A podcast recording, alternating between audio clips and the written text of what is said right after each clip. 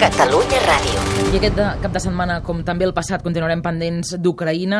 Rússia s'ha mostrat disposada a obrir un procés de diàleg amb les potències occidentals sobre la crisi d'Ucraïna. Sempre diu que sigui una negociació d'igual a igual. El ministre d'Afers Estrangers rus, Sergei Lavrov, ha demanat com a contrapartida que Occident deixi d'involucrar el Kremlin en el conflicte i que retirin les sancions que els Estats Units i la Unió Europea li han imposat com a represàlia.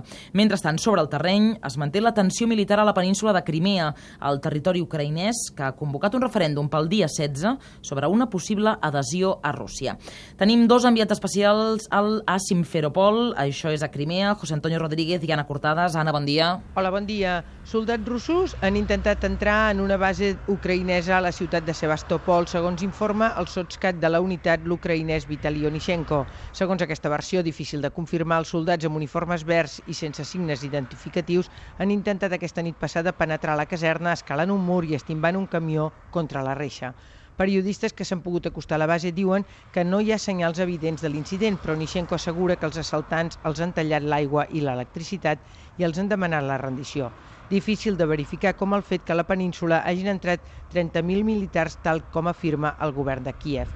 Fets difícil de comprovar, però que tenen un paper en aquest conflicte de fets, però també de rumors i declaracions. És fàcilment comprovable, però, que els soldats fantasmes que Rússia anomena forces locals d'autodefensa segueixen rodejant les bases ucraïneses. A certa distància, grups de civils que diuen que vetllen pels interessos de Crimea, com aquesta dona a la base de Perevelnoi. Телевидение такое показывает. Hem vist unes imatges tan terribles a la televisió ucraïnesa, unes coses que feien tanta por. No volem que ens passi això aquí, volem que els nostres fills puguin viure en pau. Наши жили в мире. L'ambient fora de les bases rodejades passa de la tensió a gairebé una festa patriòtica. Serveis informatius.